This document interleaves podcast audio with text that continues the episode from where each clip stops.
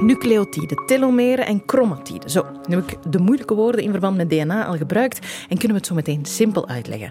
Hoe los je moorden op aan de hand van DNA? Desoxyribonucleïnezuur. Toch nog eentje. En meer specifiek aan de hand van het Y-chromosoom. Want het kan, ook al vindt de wet dat dat nog niet kan. Ik ben Annelies Moons en dit is Voorproevers, de podcast. Voorproevers. Radio 1. Ik zei het al, er zouden veel meer moordenaars, verkrachters, andere criminelen gevat kunnen worden als de wet het zou toelaten.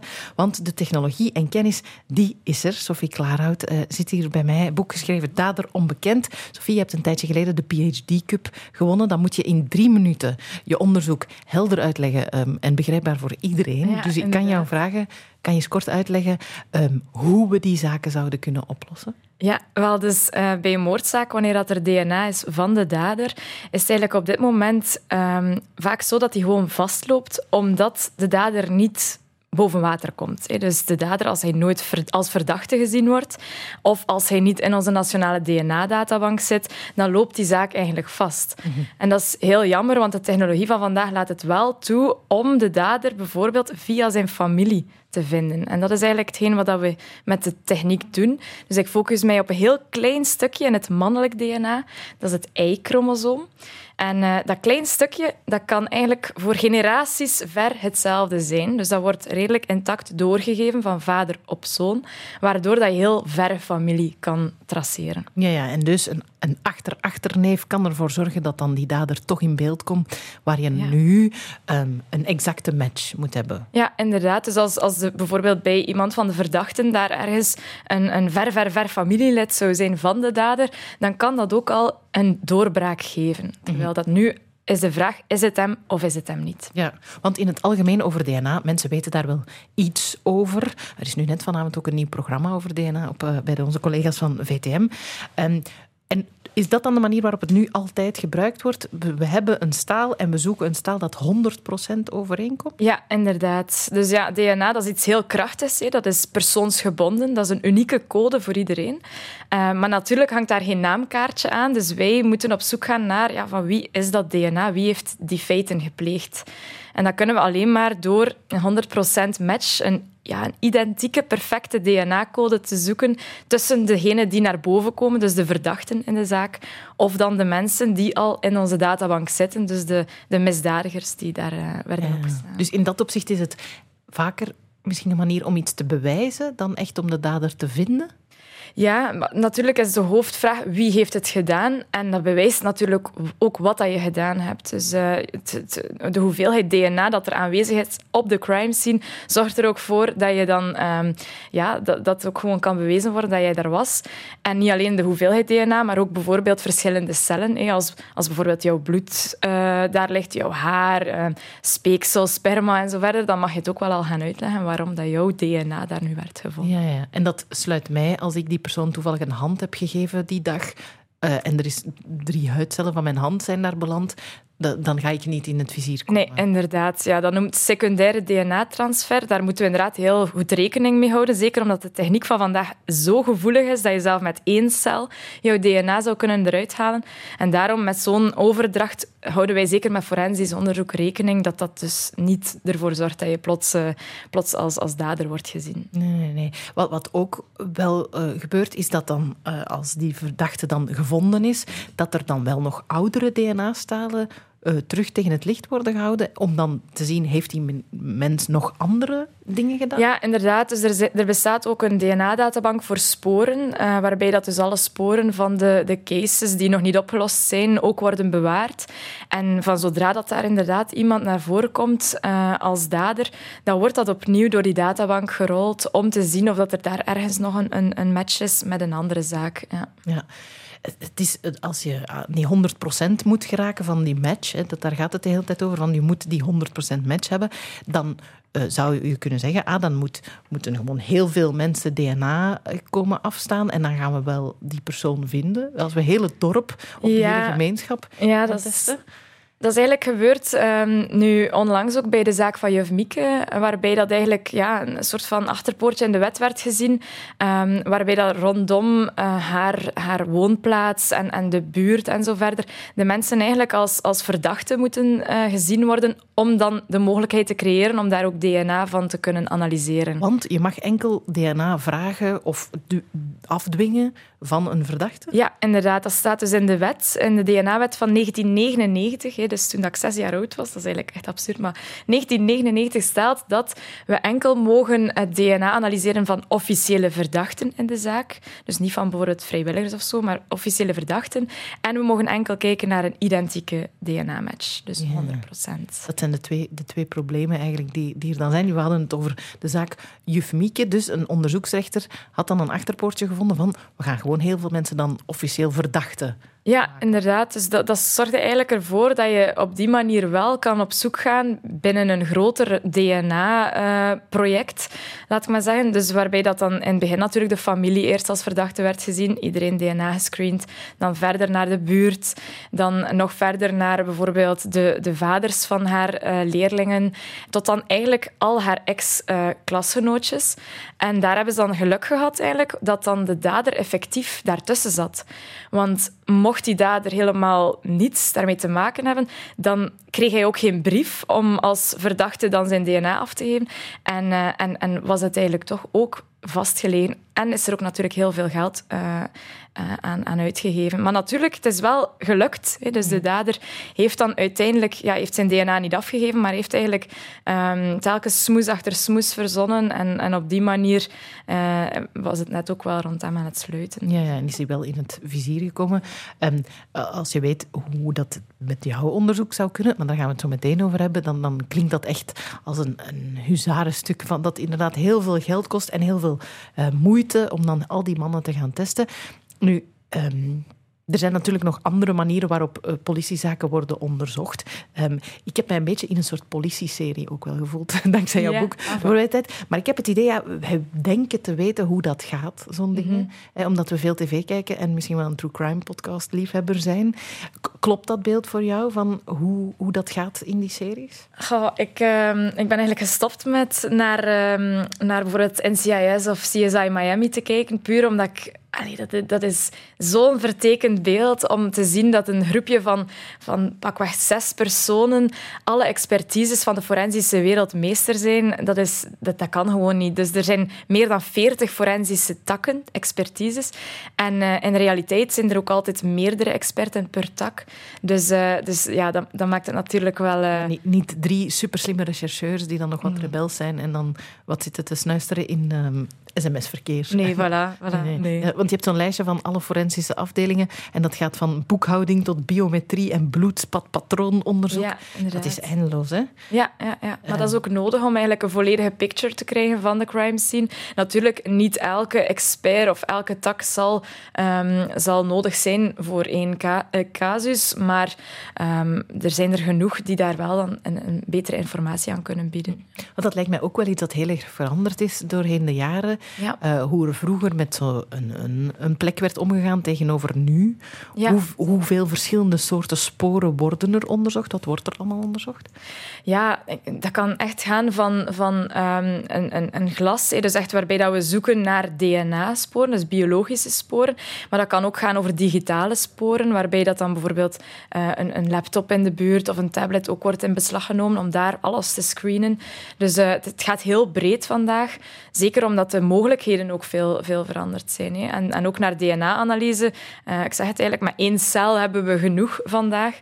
Maar, um, maar, maar alles, alles evolueert. En bloedspatanalyse, je haalt het ook al aan, dat is ook een heel belangrijke studie om te zien van waar was het slachtoffer, uh, waar was de impact en waar was de dader. Ja, dus veel meer gegevens, zelfs oorsporen, las ik ja, in het boek. inderdaad, oorsporen. Dat is ook een, een, een heel uh, interessant spoor om dus uh, bijvoorbeeld bij inbraken en zo verder te, te gebruiken. Nu, hoeveel dat, dat precies gebruikt wordt in, uh, in casussen, dat kan ik u niet vertellen, want ja, mijn expertise, expertise ligt natuurlijk bij forensische genetica.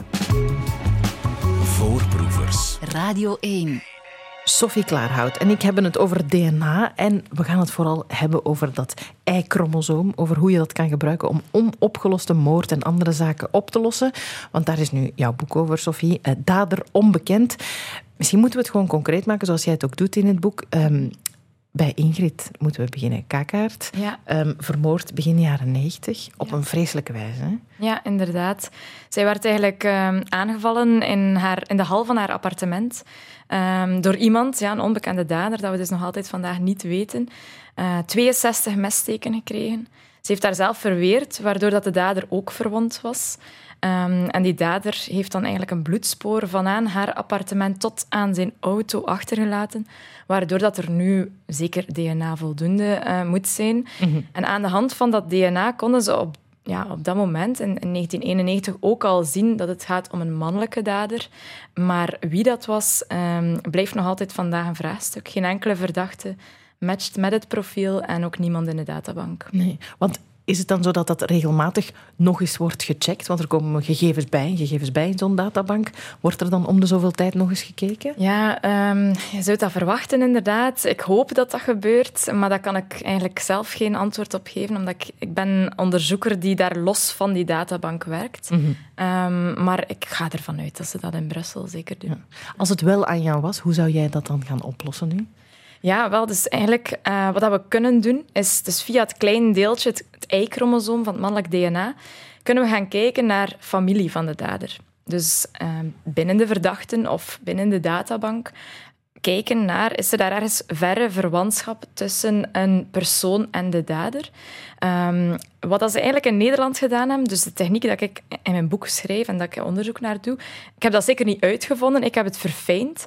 Maar um, in Nederland, wat hebben ze gedaan? Een grootschalig verwantschapsonderzoek rondom de crime scene. Dus wat ik eigenlijk zou willen doen, is mannen oproepen um, rondom Maldegem, Knokke, Heist, om vrijwillig hun DNA, hun Y-chromosoom af te staan ter, ja, om, te kunnen kijken van kijk, is er iemand die misschien dicht matcht met dat Y-chromosoom van de dader, waardoor dat, dat, wil niet zeggen dat ze dan dichte verwanten zijn, broers of neven, maar dat kan ook heel, heel, heel, heel ver gaan. Dus een achter, achter, achter, achterneef van waar je niet eens wist dat je verwant was, uh, waardoor dat je dan zo wel de zaak vooruit kan helpen en ons kan leiden via jouw familiestamboom naar de dader. Ja, want dat Y-chromosoom, dat is een stukje DNA, heel veel DNA. We krijgen de helft van onze moeder en de helft van onze vader, dus dat is heel veranderlijk. Ja, inderdaad. Ja. Um, bijvoorbeeld, ons DNA zal uh, super hard verschillen. Ja. Um, dat uh... Maar als dat, dat... Ja, we zijn ook vrouwen. Ik ben een slecht voorbeeld aan het geven. Maar uh, hoeveel van dat Y-chromosoom is variabel op zich? Um, wel, dus haalt het inderdaad heel goed aan. Hè? Dus ons, ons volledig DNA krijgen we voor 50% van vader, voor 50% van moeder. Ga je een generatie verder, dan is dat weer al delen door twee. 25% ben je eigenlijk gelijk aan jouw grootouders. Dat wil eigenlijk zeggen dat het heel snel vervaagt over generaties. Dus met, dat, met het volledig DNA kunnen we eigenlijk enkel heel dichte familie vinden. Daarom dat dat Y-chromosoom zo handig is, dat, dat gaat eigenlijk behoorlijk, ja, 95% van dat Y-chromosoom wordt eigenlijk behoorlijk intact doorgegeven van vader op zoon. En dat voor generaties lang. Dus dat, dat kan echt 40 generaties lang bijna hetzelfde zijn. En er zijn eigenlijk heel subtiele verschillen die ervoor zorgen dat, dat ik eigenlijk met de kennis van vandaag kan zien hoe ver dat iemand precies verwijderd is. Um, maar dat Y-chromosoom dat gaat niet alleen familiaal verwantschappen tonen, dat gaat ook op evolutionair niveau verwantschappen tonen. Dus ja. gaat het over nog veel meer generaties. Dan Inderdaad, ja, ja. Dus we moeten het eigenlijk zo zien. Elke man op aarde kunnen we terugtraceren tot één oerman. En dat was Ei Adam, die uh, zich situeerde in Afrika. Mm -hmm. En op basis van die heel subtiele verschillen op het Y-chromosoom kunnen we migratielijnen zien van de mens, hoe dat we eigenlijk de wereld veroverd hebben. En op die manier kunnen we dus ook aan de hand van het DNA, het Y-chromosoom van de dader, zien wat zijn biologische afkomst is. Ja, ja. En wat al op zich als zot is. Ja, ja, Als je daarover, ja, ik vind ja, het ongelooflijk. Ja, maar want, um, kan je daar ook um, kenmerken, of als, jij, als je DNA kan onderzoeken als rechercheur, als je dat kan mm -hmm. analyseren, kan je daar ook uit afleiden, die had ros haar?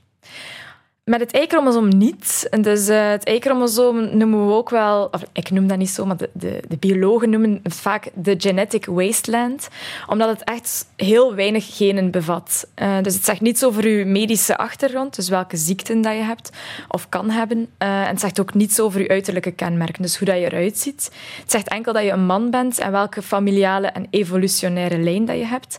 Maar inderdaad, over de rest van het DNA, daar zijn wel heel wat genen waarbij dat we vandaag kunnen zien wat dat de haarkleur is, de oogkleur, ehm, de huidskleur. Uh, maar, maar ook dat is, is nog niet geïncludeerd in de wet in België. Dat is iets wat dat in Nederland wel, uh, wel al gebruikt wordt om eigenlijk een genetische robotfoto van de dader te kunnen opstellen. Maar ook dat mag hier bij ons nog niet? Nee, nee, nee. nee. Oké. En dat Y-chromosoom uh, gaan onderzoeken, dat mag dan niet omdat je met die 100% match-regel zit? Ja, ja. En, en, um, en ook omdat we eigenlijk we hebben nog geen databank. Dat is nog niet geïncludeerd in de nationale databank. Dus zijn we eigenlijk afhankelijk van vrijwilligers. En ook dat staat in de wet, uh, dat je enkel van officiële verdachten DNA mag analyseren, dus niet van vrijwilligers. Mm -hmm. Dus er zijn eigenlijk twee dingen die, uh, die zouden aangepast mogen worden. Ja. Ja, je zegt al in Nederland wel. Kan je zo'n voorbeeld geven van een zaak die, die opgelost is met zo dat verwantschaponderzoek? Ja, dus de, de eerste zaak ooit, de pionierszaak, was die van Marianne Vaatstra. En dat was een Nederlands meisje, 16 jaar oud. En die is in 1999 ging zij naar een feestje in haar buurtdorp. En om één uur s'nachts fietste zij eigenlijk terug met twee van haar vrienden. Um, en eigenlijk, ja, in het midden van haar route zei ze tegen haar vrienden van kijk, ik ga alleen fietsen. Uh, en dan jammer genoeg, één kilometer verderop is zij eigenlijk van haar fiets getrokken en, en verkracht en vermoord teruggevonden. En dat was een heel groot uh, shock-effect natuurlijk voor dat dorp alleen al, want er was eigenlijk nooit iets te doen.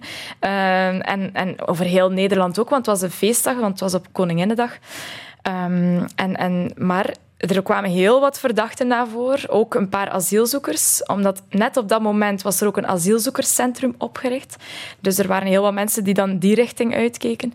Maar uh, niemand matchte. Dus die zaak werd koud en dat was een cold case.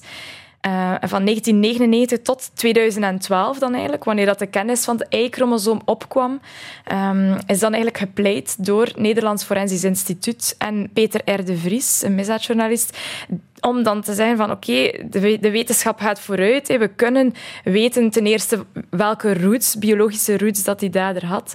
En ten tweede, ja, om toch ergens ja, meer te kunnen doen met dat DNA. Mm. En op die manier is er in Nederland een wetswijziging gebeurd. Um, hebben ze gezien dat die dader helemaal geen roots had van Afrika of Azië. Dus dat het geen asielzoeker moest geweest zijn, maar eigenlijk iemand vanuit de buurt. Waardoor dat ze besloten hebben om een grootschalig verwantschapsonderzoek rondom de crime scene op gang te zetten. En, um, en dat, is, dat is succesvol geweest. 90% van de mannen die daar uitgenodigd werd, heeft ook effectief gezegd: Ik wil helpen om die zaak op te lossen. Want je moet je dat inbeelden. Je bent in een dorp, hé, er is daar een meisje vermoord. Eh, dat, dat was de dochter van, van uw vriendinneke of, of de, de, de, de kleindochter van uw, uw bakker, weet ik veel. Mm -hmm. uh, iedereen is daarmee bezig. Dus iedereen wil dat opgelost zien. En daarom was het ook wel een hoge, hoge succeskans. Um, dus heel wat mensen hebben deelgenomen. Ja, want dat is natuurlijk wel het gevolg. Als je afhankelijk bent van vrijwilligers, moeten mensen wel willen meewerken. Want jij doet onderzoek, jij moet ook beroep doen op mensen ja. die willen meewerken. Is dat moeilijk om mensen te vragen, hey, geef mij eens een stukje, ja. een stukje van je. Ik van kan, jezelf. ja, ik kan inderdaad niet gewoon zomaar op straat lopen uh, of, of nu via de radio zeggen: Hallo, ik ben Sophie, uh, csy-leuven.be, geef mij uw DNA. Nee, dat gaat niet. Dus je moet echt wat context geven. Um, en, en je moet zeggen wie dat je bent, wat dat je gaat onderzoeken, um, waarom, wat dat, wat dat ook meerwaarde is voor hen en zo verder. Dus voor mijn onderzoek aan de KU Leuven heb ik ook uh, een grootschalig citizen science project opgestart omdat ik ook Y-chromosomen nodig had om mijn wetenschap te, te doen. Hè. Dus het Y-chromosoom beter te leren kennen. Uh, en, en, uiteindelijk zijn we nu met bijna 2500 mannen die, die vrijwillig hun Y-chromosoom aan mij hebben afgestaan, puur voor de wetenschap. Dus daarmee ga ik zeker niets verder doen in de juridische kant van het verhaal, maar voor de wetenschap alleen. En dat vond ik heel mooi om te zien, dat er toch, ja, toch ook uh, heel wat engagement is op die manier. Hm. Het valt op dat, dat jij dan zegt, ja, dat is, want je, hebt, je zei daarnet, we hebben geen databank, maar je hebt wel een eigen ja. uh, persoonlijke databank. Inderdaad, ja. Dat is heel anders dan wat je dan hoort uit Amerika Amerika. Ja. Uh, ik herinner mij een true crime podcast waarin plots een hele grote cold case via een soort publieke databank. Ja, ja. Inderdaad. Ik denk dat je het hebt over de Golden State Killer. Um, waarbij dat inderdaad, uh, dat die, die man, dat was eigenlijk een ex-politieman die uh, voor heel wat verkrachtingen en, en uh, moorden op, zijn, op zijn kerfstok had. Maar uiteindelijk hebben ze um, geprobeerd om een online databank in te geraken. Dus daar zijn politieagenten het staal, het DNA-staal gevonden op, op heel wat plekken. hebben ze vergeleken met een online databank. En dat is natuurlijk een heel grote ethische kwestie, want ja... Misschien moeten we, want zo'n online databank... In Amerika is het een beetje een soort hype van... Ik ga een keer testen waar mijn roots liggen. Ja, ja maar niet, pas op, niet alleen in Amerika. Dat is hier ook... Ja, ja, ja. Heel wat mensen die, um, die hier wonen, of, of in Europa... Die, je kunt perfect je DNA opsturen naar een online bedrijf, mhm. waarbij dat je dan eigenlijk gewoon uh, ja, een beetje spuugt in een, in een buisje, laten we zeggen, en dat dan opstuurt. Ik persoonlijk zou het nooit doen, want je weet niet wie zit daar achter dat bedrijf, eh, wat gebeurt er met je DNA, want DNA dat is persoonsgebonden, je moet daar toch ook mee opletten. Mm -hmm. dus, dus als je vingerafdrukken aan eender wie ja, inderdaad. Dus ik, persoonlijk zou ik het niet doen, maar ik begrijp natuurlijk wel de interesse van de mensen. Dus er zijn heel veel mensen wereldwijd die dus hun DNA opgestuurd hebben naar zo'n bedrijf. En dat is puur voor familiebanden te zoeken en, eh, of te zien van welke roots dat ze hebben, inderdaad. En dan kom je eigenlijk in een databank terecht. En dat is iets wat de politie van Amerika dan als heel nuttige tool zag. En dat is ook een heel nuttige tool natuurlijk, want ja, het heeft wel ervoor gezorgd dat de Golden State Killer gevat was via een neef. Mm -hmm. maar de... ooit zo op voor zijn kerstmis is... Ik ga dat... Ja, inderdaad. Ja, ja. Maar de manier waarop is... is ja, het is, het is, het is een ethisch kantje aan natuurlijk. Hè. Ja, want die heeft nooit op zich toestemming gegeven van dit mag gebruikt worden door politie. Ja, exact. Om... Ja. Eh, en toen was, was dat effectief zo. Ze hebben gewoon die databank uh, binnengeslopen, laten we zeggen, en dan, en dan alles erdoor gedraaid. Op dit moment, na al de ethische uh, vraagstellingen en de privacy-issues en zo verder, hebben ze toch ervoor gekozen om nu te werken met een opt-in en opt-out systeem, waarbij dat iedereen van die, die online databank effectief kan zeggen van oké, eh, mijn DNA mag je gebruiken voor uh, juridische doeleinden. Ja, ja, met de technologie die snel verandert natuurlijk, moeten dan ook de ethische kwesties mee besproken worden en veranderen. Eh, zijn er ook plekken waar wel heel veel mensen in databanken zitten, meer dan bij ons? Ja, een, ehm, een heel grote juridische databank is die van het Verenigd Koninkrijk. Daar, uh, daar zitten er echt heel veel mannen in. Puur en alleen omdat iedereen die verbonden is ehm, of, of in, in contact komt met de politie, daar zijn DNA-staal moet afgeven. Dus bijvoorbeeld als je een overtreding doet, uh, te snel rijdt of, of een diefstal bijvoorbeeld, dan, uh, dan kom je al snel in die, in die databank. En bij ons is het alleen bij super ernstige? Ja, dus het, is, het gaat hem echt over de zware misdrijven, waarbij dat je dan een DNA-staal uh, moet afgeven en dan effectief ook bewaard wordt in, in de databank. Ja. ja. Dus ik kan me voorstellen dat er stemmen zijn die dan opgaan die zeggen waarom moet niet gewoon iedereen bij zijn geboorte een stukje afgeven. En dan uh, is het allemaal toch veel makkelijker om dan een moordenaar te vinden? Ja, um, ik vind dat heel, heel bizarre uitspraak. Allee, ik sta daar absoluut niet achter. Dus het is niet dat we dat nodig hebben, een grote uh, bevolkingsdatabank. Dat zal ook... Um, dat is, ja, ik blijf er eigenlijk bij, zo'n zo'n databank, dat is eigenlijk overbodig. En zeker met Y-chromosoom, want met Y-chromosoom, als je één iemand hebt, is dat eigenlijk, dat covert al heel veel mensen. Dus dan, dan van zodra dat je het Y-chromosoom inlaat in de nationale DNA-databank, eh, zorgt dat eigenlijk al voor een, voor een heel mooie coverage. Um, dus het is, ja, het is zeker niet nodig. Wie heeft het gedaan? Dat is uh, de vraag altijd bij de politie, ook in Cluedo natuurlijk. Was het kolonel Mustard met de revolver of professor Plum met de lode pijp? Alleszins hopen we dan in dit geval dat het niet Miss Scarlet of Mrs. Peacock was, want dat zijn vrouwen. En Sophie uh, de Klaarhout, die het boek Dader Onbekend heeft geschreven, uh, die hebben geen Y-chromosoom, die vrouwen. Nee, inderdaad. Enkel mannen hebben een Y-chromosoom. Ja. Wil dat dan zeggen dat uh, vrouwen niet kunnen opgespoord worden met, met jouw onderzoek? Wel, het is eigenlijk zo dat van zodra dat er een, een moordzaak gebeurt, dan hebben we het DNA van van de dader. En een van de eerste dingen dat dan gedaan wordt op dat DNA is bepalen, is die dader een man of een vrouw?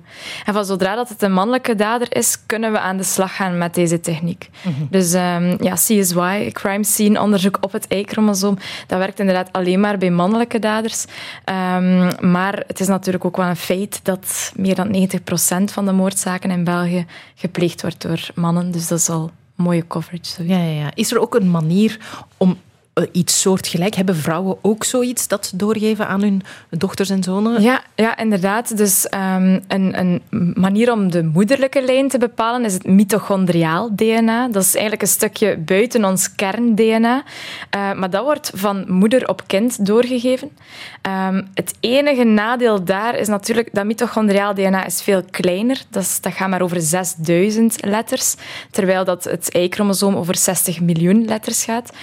Um, wat is het nadeel daaraan? Dat, dat je eigenlijk geen um, familiale mutaties of familiale verschillen kan zien, waardoor dat je enkel naar evolutionaire verschillen kan zien. Dus van waar uh, is, is die, die vrouw haar roots. Ja, dus de origine, ja, die origine, valt daar ergens van af te leiden, maar ja. niet zoals bij de achternicht zal, zal ja, te vinden inderdaad. En daarbij komt natuurlijk ook het probleem dat een stamboom in moederlijke lijn moeilijker is om, om op te stellen, omdat we onze familienaam ook van vader op zoon krijgen.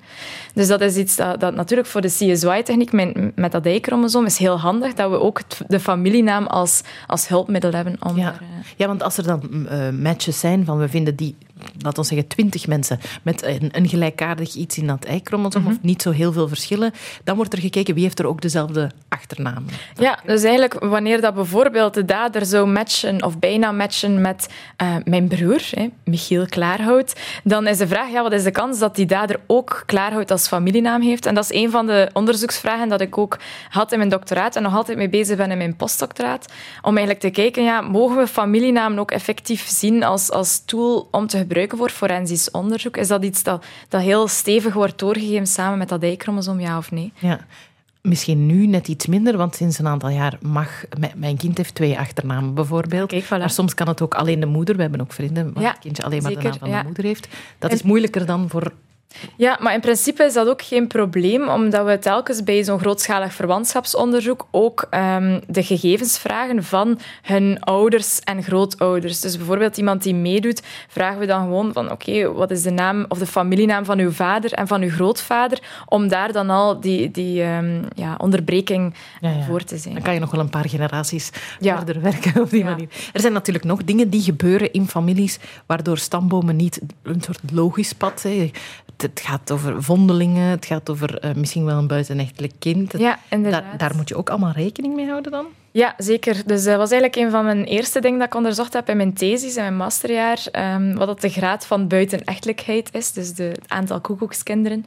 Maar dat bleek eigenlijk uh, veel minder te zijn dan dat er jaren werd gedacht. Dus vroeger dachten ze aan 10 tot 30 procent van de kinderen. In Duitsland viel er zelf 50 procent van de kinderen. Uh, maar dat was omdat ze zich baseerden op vaderschapstesten en op, op die resultaten daarvan. Maar ja, natuurlijk, die uh, die mensen gaan al hun, hun kind gaan testen met al een onzekerheid van... Ja, ja, ja. Het, zijn, het zijn niet de superzekere vaders ja, met dezelfde nee. flaporen die gaan nee. hun kind laten testen. Nee. Dus eigenlijk het eerste project dat ik gedaan had, was eigenlijk kijken en, en twee mannen vergelijken, verre verwanten vergelijken, om te zien, hebben zij hetzelfde Y-chromosoom, ja of nee? En dan zagen we dat de, dus eigenlijk de, de koekoeksgraad 1 tot 2 procent was in uh, Vlaanderen. Ja, met wel een piek rond de kermis zag ik. Ah ja, ja, ja, ja. dat was een goed weetje inderdaad. Ja. Ja. Want als het kermis was in het dorp negen maanden eerder, dat de kans toch net iets groter was. Ja, voilà. Wat dan wel uh, ook weer veel zegt over, over uh, veel mensen, denk, denk ik dan. Um, ja, er zijn nog wel uh, ja, sommige dingen dat lijkt mij wel heel gevoelig als ik meedoe aan een onderzoek um, en blijkt dat ik toch niet afstam van wie ik dacht af te stammen. Dat kan wel een soort pijnlijk gegeven zijn. Ja, zeker, zeker. En daarom is het heel nodig, allee, noodzakelijk eigenlijk, dat we het onderzoek volledig achter de schermen voeren. Dus waarbij dat eigenlijk de vrijwilliger die zijn DNA afgeeft, niet per se op de hoogte wordt gesteld van die match met de dader. Want ja, we willen vermijden inderdaad dat er daar ergens iets van informatie vrijkomt dat, dat de persoon zelf niet gewild had om, om te weten. Um, dus daarom voorzien we ook dat het volledige onderzoek achter de schermen gebeurt. En ook dat, dat natuurlijk het DNA-staal vernietigd wordt. Hè. Dus dat ja. is ook wel uh, belangrijk. Ik moet ook wel denken aan de kosten. In tijden van besparingen en dure rekeningen is dat ook. Dat lijken mij wel niet de goedkoopste. Ook, het gaat nu toch over leuke weetjes. Hè. In jouw boek gaat het over gerechtskosten op een bepaald moment. Hè, dat een autopsie 506 euro kost. Een hoofd invriezen, dat is al iets luguberder, ja. 74 eh, euro. Um, hoe zit dat met DNA-onderzoek en meer bepaald met wat, wat jij dan zou doen? Ja, het is, en blijft natuurlijk wel een kostplaatje. Um, het, is, het iets dat we, ja, als je het vergelijkt natuurlijk met de jaren onderzoek die ervoor gaan wanneer dat een zaak um, niet tot de oplossing kan komen, dan gaat daar natuurlijk heel wat meer geld aankomen. Dus het is een beetje een kost-batenanalyse soms, um, waarbij dat moeilijk in te schatten is hoeveel zo'n onderzoek kost. Maar, maar uh, in dat opzicht wordt het eigenlijk wel goedkoper met de dag. Dus dat is mhm. ook wel positief. Ja goedkoper met de dag, maar de wet die moet veranderen. Hè? Ja. Um, je had boekvoorstelling deze week, daar was een minister van Justitie. Zijn ze ermee bezig met de verandering? Ja, ja inderdaad. Dus, um, minister van Justitie, eh, Vincent van Quickenborn, is zeer positief en gemotiveerd om effectief die wet aan te pakken. Dus ze zijn nu bezig met een DNA-wetsvoorstel. En um, ja, hopelijk komt dat dan snel terecht bij het parlement. En als iedereen daar dan mee akkoord is, dan, uh, dan kan ik aan de slag. Maar dan moet er natuurlijk ook nog gepraat worden inderdaad over dat, dat kostenplaatje, over de ethische kant en, en over welke zaak dat je kan aanpakken en zo verder. Um, want, want daar zijn heel veel vraagstukken naar. Mhm. het, het, onderzoek kost heel veel geld. Um, maar dat heb ik ook wel gemerkt. En er zijn ook heel veel mensen die, die ook financiële steun willen bieden. Dus dat vind ik ook wel heel, heel leuk. Want in jouw boek staat ook een rekeningnummer. Ja, ja, inderdaad. Ik heb sinds de PhD Cup heel wat vragen gehad van oké, wij kunnen, wij willen jou nu al steunen, hoe kunnen we dat doen? En, um, en dan heb ik een, een, fonds opgericht via de KU Leuven, een CSY-fonds, waarbij dat ik dus, uh, dus nu ook een, een goed doel ben eigenlijk. Hè. Dus, uh, ja, mensen, als, als, als ze nog een goed doel zoeken voor dit jaar, dan mogen ze altijd naar mijn website gaan, uh, csy-leuven.be. Ja, voilà. En dan, als die wet dan veranderd is, dan zaken gaan, ja, gaan onderzoeken en oplossen. Hopelijk voor de ouders van Ingrid Kaka. Zeker, ja. Want die mensen zijn een stuk in de tachtig, die willen heel graag nog die antwoorden krijgen. Hè? Die zaak staat ook op verjaren. Ja, het is eigenlijk echt uh, heel pijnlijk om te zien hoe lang dat zij al moeten wachten op die antwoorden. Dus dat is 31 jaar dat ze eigenlijk elke dag opstaan met dezelfde vragen uh, die onbeantwoord blijven. En het meest frustrerende aan dit feit is natuurlijk dat de wetenschap wel al antwoorden kan bieden. Dus uh, het is heel pijnlijk. En dan aan de slag. De Bende van Nijvel um, is dan het volgende, lijkt mij. Ja, wel, nu noem je natuurlijk direct een heel grote zaak. Uh, dat is iets dat in principe, als er, dus er is DNA, er is een DNA-spoor bij de Bende van Nijvel. Um, maar natuurlijk, dat is een heel uitgestrekte zaak. Heel veel mensen uh, kunnen daar dan naar voren komen. Dus dat wordt het ook wel ja, lastig om, om te doen. Wordt vervolgd, zullen we zeggen. Ja. Mensen kunnen beginnen met Dader Onbekend te lezen. Sophie Klaarhout, dank je wel om hier te zijn en voor je onderzoek. Radio 1. Voorproevers. Bedankt dat wij vandaag een stukje van je dag mochten zijn. Dader onbekend is het boek, Voorproevers is de podcast. En je vindt meer afleveringen op VRT Max en je hoort ons op Radio 1. Voorproevers.